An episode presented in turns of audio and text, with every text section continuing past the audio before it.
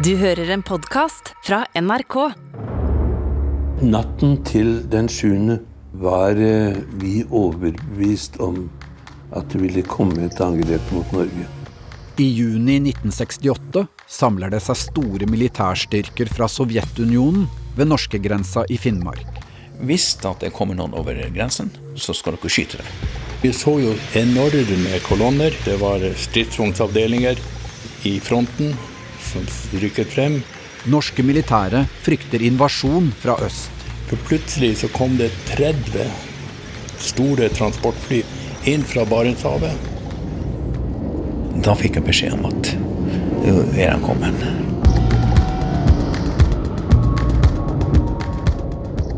Du hører på andre fortelling i serien Da Norge var i kald krig. Dette er Alarm på russergrensa av Randi Lillealteren.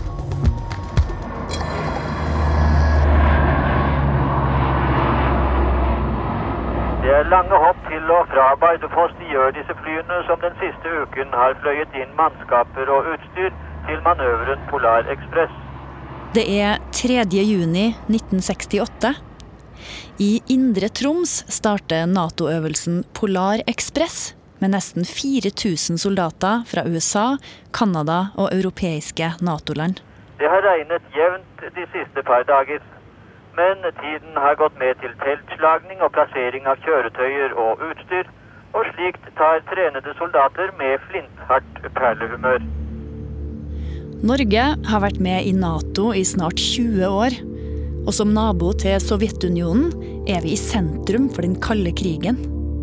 USA og Sovjetunionen har begge nok atomvåpen til å utslette alt liv på jorda.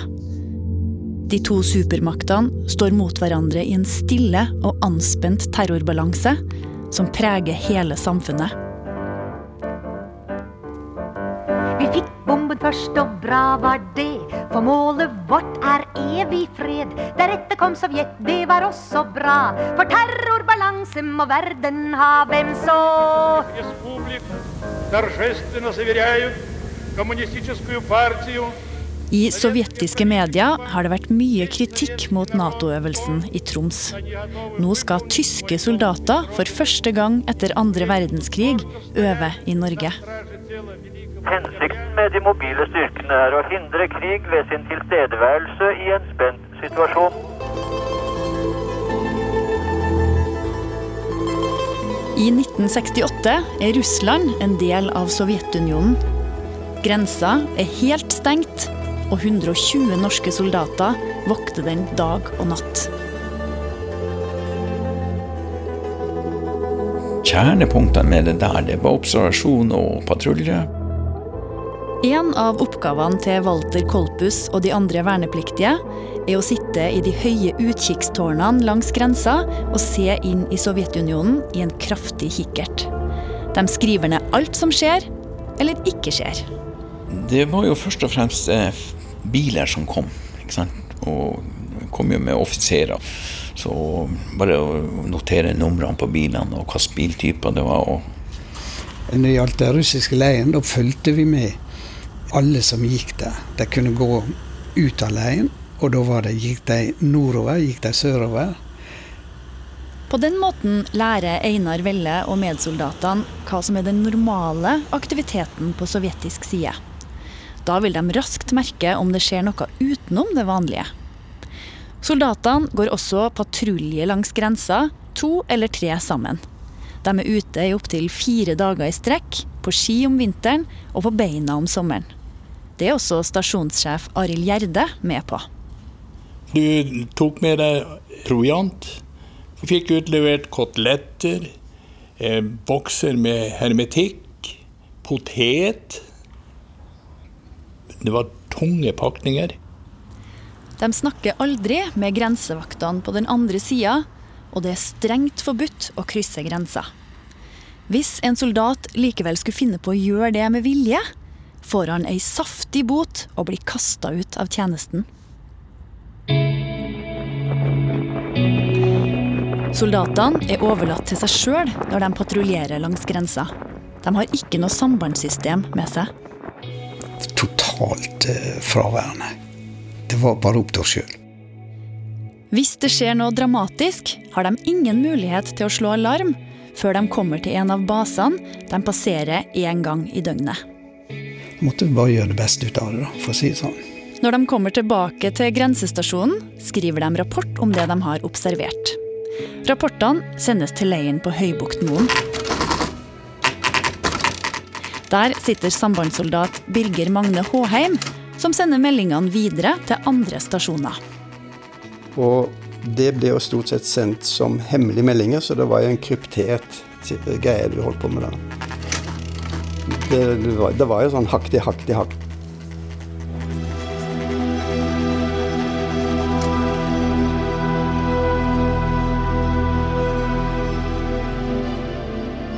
Grensa mellom Norge og Sovjetunionen er nesten 200 km lang. Helt i nord, ved Barentshavet, ligger Grense Jakobselv med ei vakker sandstrand og steinkirka Oskar 2.s kapell. Og så oppover grense Jakobselvdalen kommer man inn i teigen til Kortfjell grensestasjon, som ligger svært øde til. I 1968 har Arild Gjerde vært på garnisonen i Sør-Varanger, eller GSV som det forkortes til, i åtte år. Nå er han stasjonssjef på Elvenes. Det er den grensestasjonen som ligger nærmest Kirkenes. Sør for Elvenes kommer man inn i Pasvikdalen. Pasvikdalen er jo et fantastisk område. Med stor furuskog, med bjørn og ulv. og Grensa går her ute i Pasvikelva og ender opp ved Treriksrøysa i sør, der Norge møter Finland og Sovjetunionen.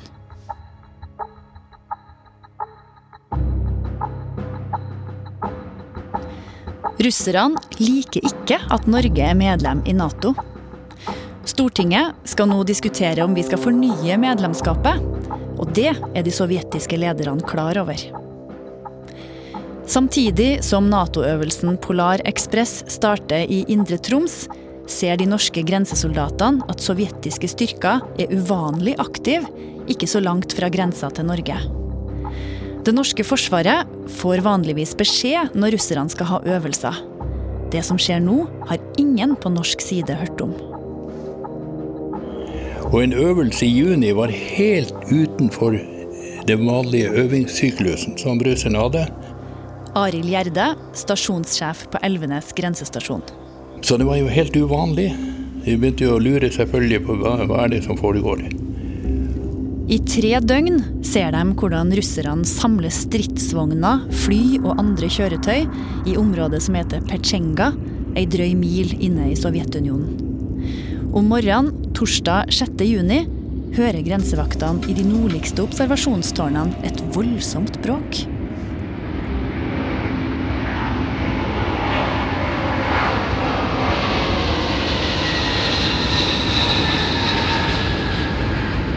De måtte jaggu pusse kikkertlinsene for å tro hva de så.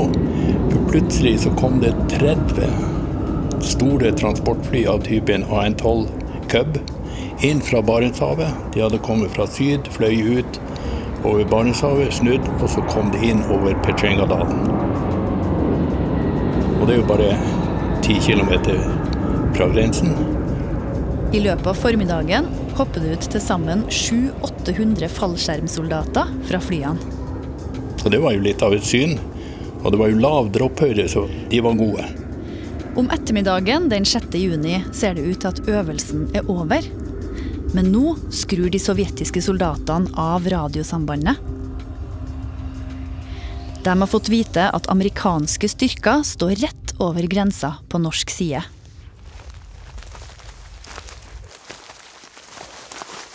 Vi hadde patrulje hit oppover, jeg og Einar Velle. Tormod Hoel er født og oppvokst i Pasvikdalen. Han er i førstegangstjeneste ved Brattli grensestasjon, og familiegården ligger like ved. Rundt klokka åtte om kvelden den 6. juni går han og Einar Velle ut på patrulje langs Pasvikelva. Og vi skulle observere på grensemerket. Der skal vi være i 20 minutter. Og så skulle vi gå patruljeruta hjem da, tilbake til Brattli. Og da var det sånn snøfjom i lufta. Eh, og litt sånn tåke. Det var litt sånn Og det var helt stilt og fint, og elva hun for der. Satt vi oss ned der og så ut i tåkehavet, og ikke noe å si.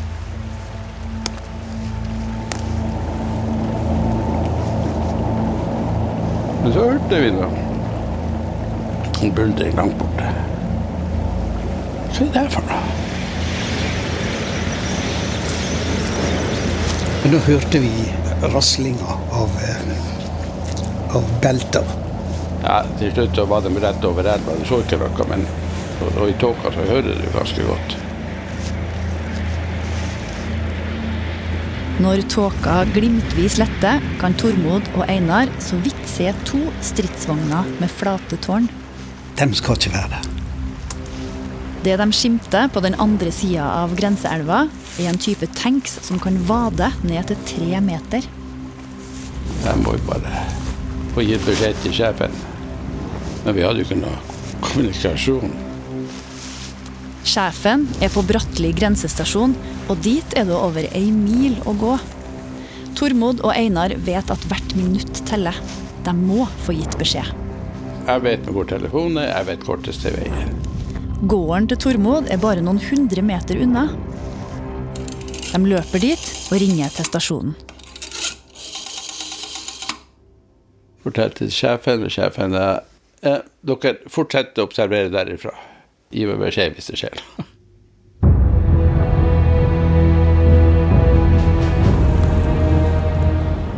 Også på Elvenes, litt lenger nord, ligger tåka tett. Nå og da kommer en snøbyge. Men junikvelden er lys, og innimellom bygene kommer noe til syne. Vi så jo enorme kolonner med kjøretøyer som kom da på Ruseveien, ned i Petsjengadalen, og så begynte å kjøre vestover, mot Pasvikdalen. Og da begynte jo han uro. Ikke siden sovjetiske soldater frigjorde Øst-Finnmark fra tyskerne høsten 1944, har så store styrker bevega seg mot grensa. Det var stridsvognsavdelinger i fronten som rykket frem, og lastevogner med ammunisjon og, og drivstoff fulgte på. De sovjetiske styrkene har rykka fram under full radiotaushet. Og med tåke og snøvær har de kommet seg helt opp til grensa uten at nordmennene har sett det. Nei, da lå vi og sov, da. Det er midt på natta, og sambandssoldat Birger Magne Håheim ligger trygt under dyna i leiren på Høybuktmoen. Jeg bråvåknet av at det var en befal da, som sto inne på rommet og skrek og ropte noe voldsomt. Birger regner med det er en øvelse. Og, men alle var, tumlet ut av senga, i køyesengen sine, og kledde på. Og så tok vi gardinen til side. Det var noen bunker eller noe som var, der dørene var slått opp, og man så at de var lastet ut på antageligvis ammunisjon helt i den andre enden. Som vi aldri hadde sett før. Det her er ikke noen øvelse, skjønner Birger nå. Han blir beordra til sentralbordet for å avlaste soldaten som sitter der. Sentralbordet ligger i kjelleren i kaserna der Birger er. Det er et digitalt sentralbord, og når det kommer inn en samtale, lyser det rødt. Og så åpner du døra, så er det, dette var et langt sentralbord. Det kunne sitte flere operatører sammen. Og da lyste alt rødt. Det ringer i ett sett. Alle grensestasjonene skal melde inn det de ser. Birger og medsoldaten jobber så fort de kan med å sette samtalene videre. Og det var nokså hissige mennesker som var i andre enden, for vi hadde jo ikke svart. Det tok litt tid, for alle ringte jo inn. Første minuttet så lurer vi på hva er det som skjer. ikke sant? Det fins en knapp Birger kan trykke på for å lytte inn i samtalene, for å høre om de er avslutta eller ikke. Så da skjønte vi etter en stund hva som skjedde. At det russiske tanks osv. hadde da rykket inn mot norskegrensa.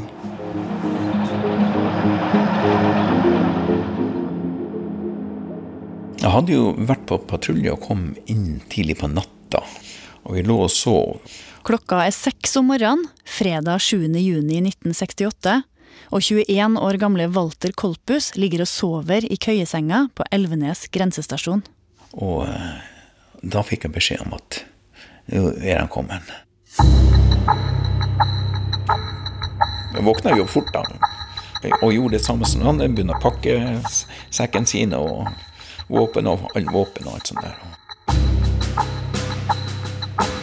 Det har gått skarp alarm.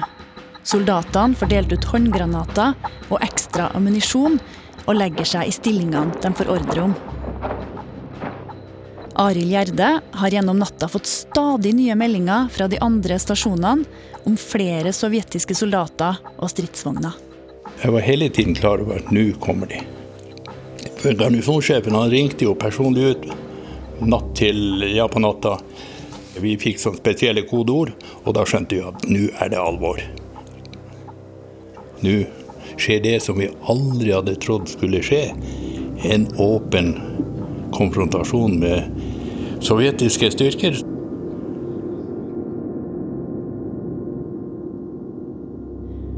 Arild er en erfaren offiser, men han er ikke mer enn 28 år. Han kjenner på ansvaret. Det var da, da en soldat dro frem i brynet, og så begynte å bryne finnekniven sin og bajonetten. Da skjønte jeg at nå har jeg soldatene med meg. Walter, som er en av soldatene Arild er sjef for, har fått ordre om å legge seg i en bunker ved Elvenes bru. Han har våpenet retta mot to oljetanker som står på den andre sida av elva. Våpenet var klart der, og det bare å trekke av. Så skutt ned i tankene der. Noen hundre meter unna ligger noen andre soldater klar til å sprenge Elvenes bru. Den har sprengladninga festa permanent i tilfelle russerne invaderer. Og soldatene har fått én viktig ordre til. Hvis det kommer noen over grensen, så skal dere skyte dem. Det er ca. 500 personer ved garnisonen i Sør-Varanger, inkludert grensejegerne. Jon Stidal er nestkommanderende. Natten til den sjuende var eh, vi overbevist om at det ville komme et angrep mot Norge. Om morgenen fredag 7. juni letter tåka litt. Nå ser Stidal og resten av ledelsen at store deler av divisjonen som har hovedkvarter i Murmansk, har kommet helt opp til grensa. Det dreier seg om rundt 15 000 russiske soldater og til sammen mer enn 2000 stridsvogner, artilleriskyts og andre kjøretøyer. De her er stilt opp langs grensa fra Nikkel i sør til området øst for Korpfjell i nord. Ei strekning på 30 km. Vi antok at det ville gå til Tana slik at russerne tok Varangerhalvøya og området mellom Tana og Kirkenes. I så fall eh, ville vi nok ha sett tapstall på en eh, ca. 400 mann av de 500 vi hadde ved garnisonen.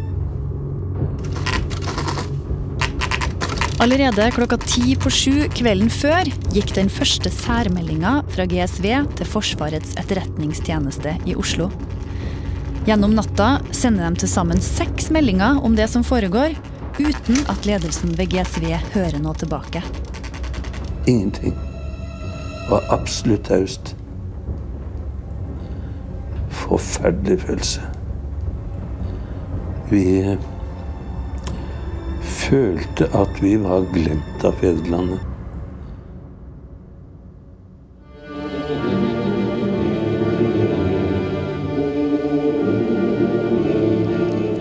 Åtte måneder tidligere, i oktober 1967, var forsvarsminister Otto Grieg Tidemann på offisielt besøk i Moskva. I møtene gir den sovjetiske forsvarsministeren tydelig uttrykk for at han er bekymra for at utenlandske styrker øver på norsk territorium relativt nært den sovjetiske grensa. Grieg Tidemann understreker at Troms er hundrevis av kilometer unna, og sier felles øvelser er helt normalt når Norge er medlem av Nato. Men den sovjetiske forsvarsministeren blir ikke beroliga. Departementsråd Johs Leine er med til Moskva. Til slutt så ble jo Askal Gretsjko helt oppgitt. Slo ut med hendene. Og så sier han Vel, forsvarsminister Grieg Tidemann. Jeg skal nok gjøre noe de aldri har drømt om.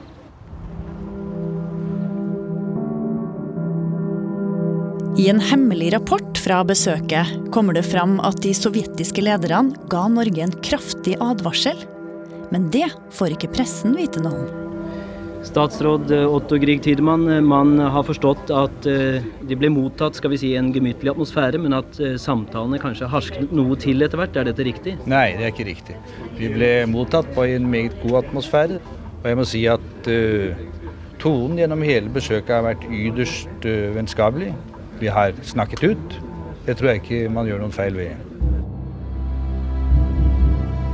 Forsvarsministeren er overbevist om at det som nå skjer på grensa, er en maktdemonstrasjon.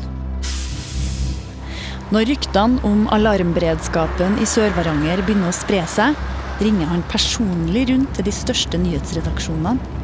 Han sier at det er en øvelse, og ber dem dysse det ned. Men verken befalet eller soldatene på GSV får vite noe om det her. De frykter tredje verdenskrig.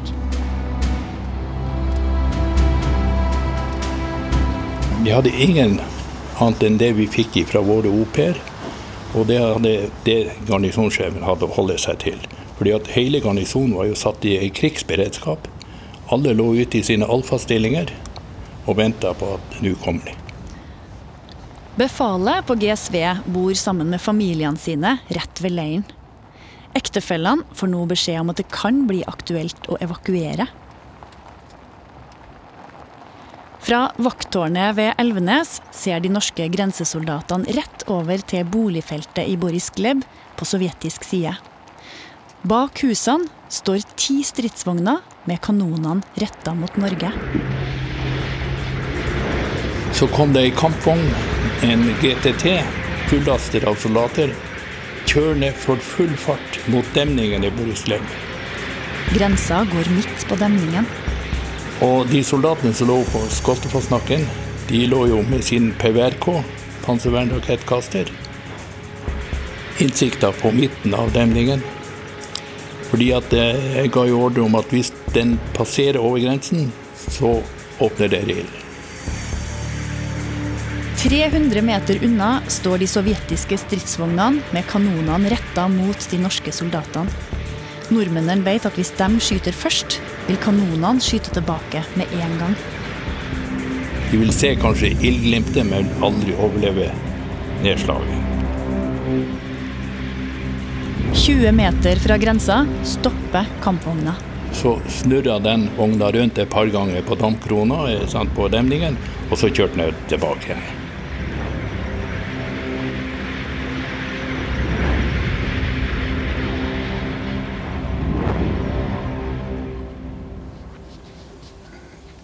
Da satte vi i gang tiltak på selve stasjonen. Da. Det var å armere sånne snubletråder. Så hvis det kom noen som kom seg over, da, så ville dette løses ut så vi kunne få vite varsle oss. Einar Velle og medsoldatene er også klar til å sette ut tunge sperringer på veien for å hindre de sovjetiske kjøretøyene. Så måtte de gå ut av den og fysisk løfte dette vekk. Da lå vi klar til å skyte på dem. Men alle vet at hvis russerne først kommer, er de sjanseløse.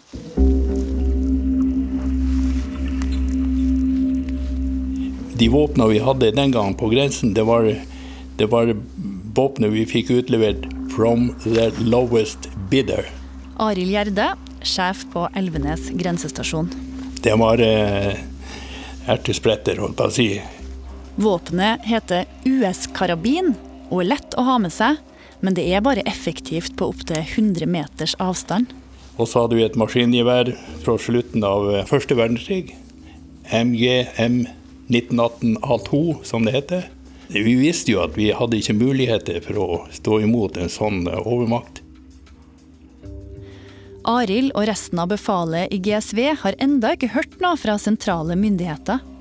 Det eneste de har å forholde seg til, er det de sjøl observerer. Men de vet hva som er jobben deres. Hvis russerne går over grensa, skal de lage så mye spetakkel de greier, med de begrensa ressursene de har.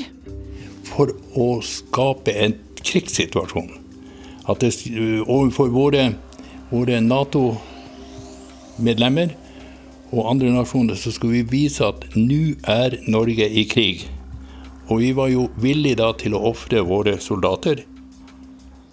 Natt til lørdag får GSV endelig kontakt med sentrale myndigheter når garnisonssjefen får beskjed om å ringe forsvarsministeren. Men heller ikke nå forteller Grieg Tidemann at dette mest sannsynlig er en øvelse. På et eller annet tidspunkt så måtte vi rømme. Vi hadde jo avtalt at de som overlevde den første konfrontasjonen og kom seg ut av området, vi hadde avtalt møtesteder inne i disse veiløse områdene. Vestover mot Hana, for å fortsette det vi kalte for fri strid, altså gerilja. Og før de drar, skal de tenne på alle bygningene, forteller Walter Kolpus. Ja, bensinskanna og sto på trappa. Men vi hadde jo ikke noe å flykte med. Vi hadde en kalte for en kvarting, den bilen der. Og den tar jo ikke så veldig mange. Og så hadde vi noen gamle sykler.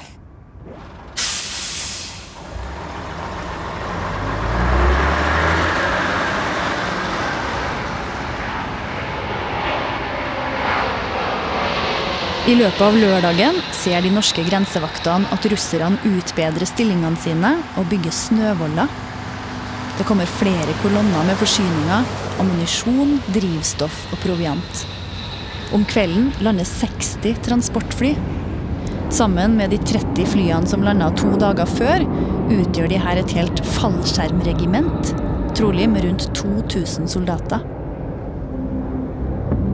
Soldatene sover lite og er i konstant beredskap med våpenet ladd. Walter Kolpus veksler mellom å observere fra vakttårnene og å ligge i bunkeren ved Elvenes bru med geværet sikta inn på oljetankene. Det skal så lite til. Det skal veldig lite til. Det kan være det smeller fra en eller annen plass. Ikke sant? Det kan være nok at du trekker av. Arild Gjerde ligger sammen med soldatene sine i stilling ved grensepunktet Skafferhullet. Så ringer det i felttelefonen han har med seg. Det er soldaten oppe i OP-en like ved. Han ser en sovjetisk jeep på vei mot grensa. Det var merka med stor stjerne. Med høyere offiserer pluss en Popeda eh, personbil som kom og så kjørte over grensa. Og soldatene lurer på skal vi åpne ild. Men det er en sivil bil, og de som sitter i den, er ubevæpna. Så jeg sa la, la de passere, og så la oss se, vente og se. Og da kjørte de helt frem til skafferhullet, helt opp til grenselinjen. Og så de, var de ute der og sto og kikka rundt. Og da lå jo vi bare et par hundre meter unna. Så eh, var de der en, noen minutter og sto og tok seg en røyk, og så satte de seg inn igjen og så returnere. Er det her en slags test fra russerne? Noen timer seinere kommer enda en jeep. En major fra sovjethæren. Han kom kjørende i en jeep og stoppa på Namkrona. Og så gikk han ut på demningen, og så tok han et langt skritt over grenselinjen inn på norsk område. Og stilte seg breibent, som bare en russer kan gjøre, med høyt hoftefest. Og så opp på OP-en vår, som lå 20-30 meter opp i lia rett over han. Da var det en av soldatene som ropte til kompisen skal jeg skyte han i ballene.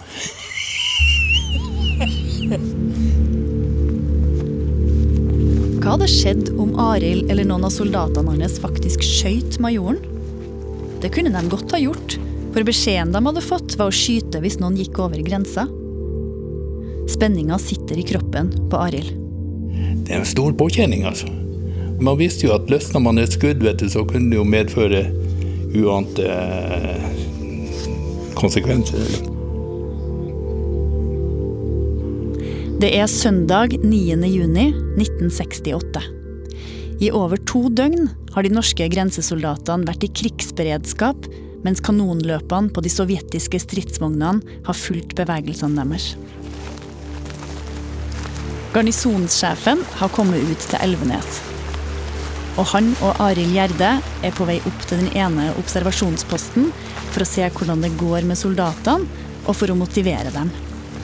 De har med seg en sambandsmann som bærer på en tolv kilos radio. Det var fortsatt dårlig sikt, og temperaturen var ned rundt null grader, selv om vi nærmer oss eh, midtsommer. Plutselig kommer det en melding på radioen. Over grensa ved Svanvik litt lenger sør er det hørt kraftig motordur. Plutselig så begynte det å sprenges. De satte av ladninger på begge sidene av Isasveien og røykla området i flere hundre meter. Minuttene går. Først etter et kvarter legger støvet seg. Da ser grensevaktene ei kolonne på flere hundre meter. 25 kjøretøyer er på vei i høy fart mot Boris Gleb, like ved der Arild og garnisonssjefen er. Så begynte vi å løpe for å komme. Jeg skulle tilbake til skafferhullet hvor jeg hadde avdelingen min. Og garnisonssjefen skulle til sitt stridshovedkvarter for å lede striden derfra. Nå regna vi at nå kommer de.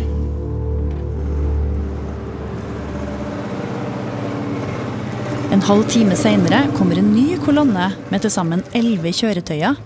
Sju av dem drar på en spesiell type kanoner. Sammen med den, den stridsvognskompaniet som lå i Boris Gleb, så ville jo dette være en skreddersydd avdeling for et første angrep imot norsk område, mot Kirkenes og Høybomoen. Og da må jeg si at da begynte pumpa å gå. Og da gjorde jo alle stasjoner fikk jo melding om dette her, og gjør dere klar til strid, for nå kommer, kommer de til å passere over grensen. Kolonna kjører fram til stridsvognene som allerede står på grensa. De ruser motorene og blinker med lysene. En halv time seinere snur kolonna og kjører vekk igjen.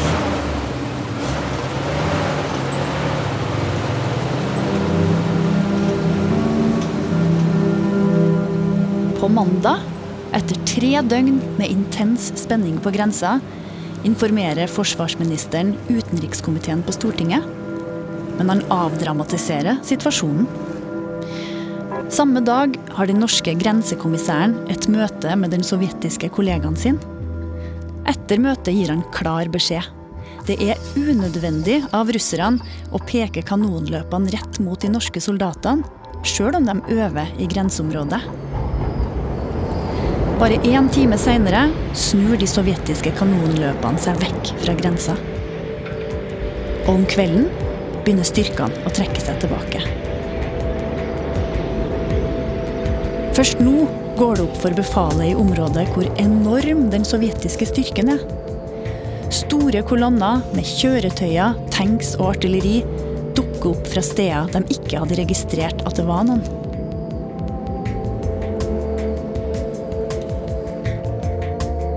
Like over midnatt onsdag 12. juni er alle de sovjetiske styrkene borte. Noen timer etter er alle beredskapstiltak oppheva.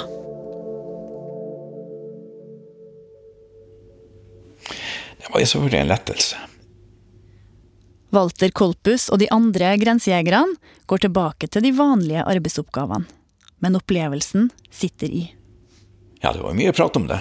Det var det. Da, da var det jo hva, hva, Hvorfor gjorde de det? Hva de ville med det å komme over og komme og på en måte tro oss. Noen mente det at det, ja, kanskje de skal øve på å komme tilbake.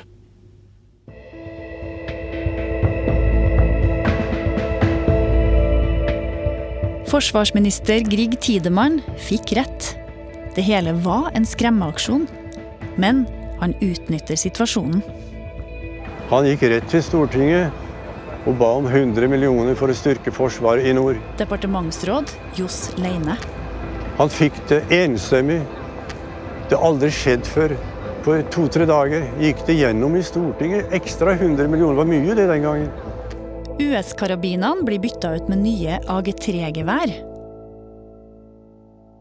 Men heller ikke nå får soldatene vite om vurderingene forsvarsministeren gjorde mens de var i krigsberedskap de her junidagene. Forsvaret legger lokk på det som skjedde på den norsk-sovjetiske grensa i 1968. Først 30 år seinere blir de hemmelige rapportene avgradert og offentlig. Vi fortsatte i tjenesten som før. Vi fikk aldri noe eh, tilbakemelding eller ble kalt inn og forklart hva som hadde skjedd. Ti år seinere flytter Arild Gjerde og begynner å jobbe i Forsvarskommandoen Nord-Norge. Da får han vite at noen visste mer enn dem som sto midt oppi det. Fra høyere myndighet så hadde man mm, kontroll med at eh, her var det ting som momenter og elementer som manglet før et virkelig angrep. Men det visste jo ikke vi. Soldatene som opplevde de dramatiske døgnene på grensa, er nå i 70-årene. De har hatt opplevelsene med seg hele livet. Mange av de soldatene de ringer meg i den dag i dag og vil gjerne snakke om dette. Jeg blir aldri ferdig med det. Ja. Fordi at det, det var sånne traumatiske eh, opplevelser som man nå blir behandla for. og sånn. Det var ikke det. Man hadde nok eh, etterpå liksom, man begynte å tenke på hva i alle dager var det vi har opplevd. Og det var vår krig. Tormod Hol. Og så brukte jeg å fleipe litt og si at jeg tenkte vi holdt dem fire-fem dager med US-karabin i handa. Da skjønte de at det beste var å snu.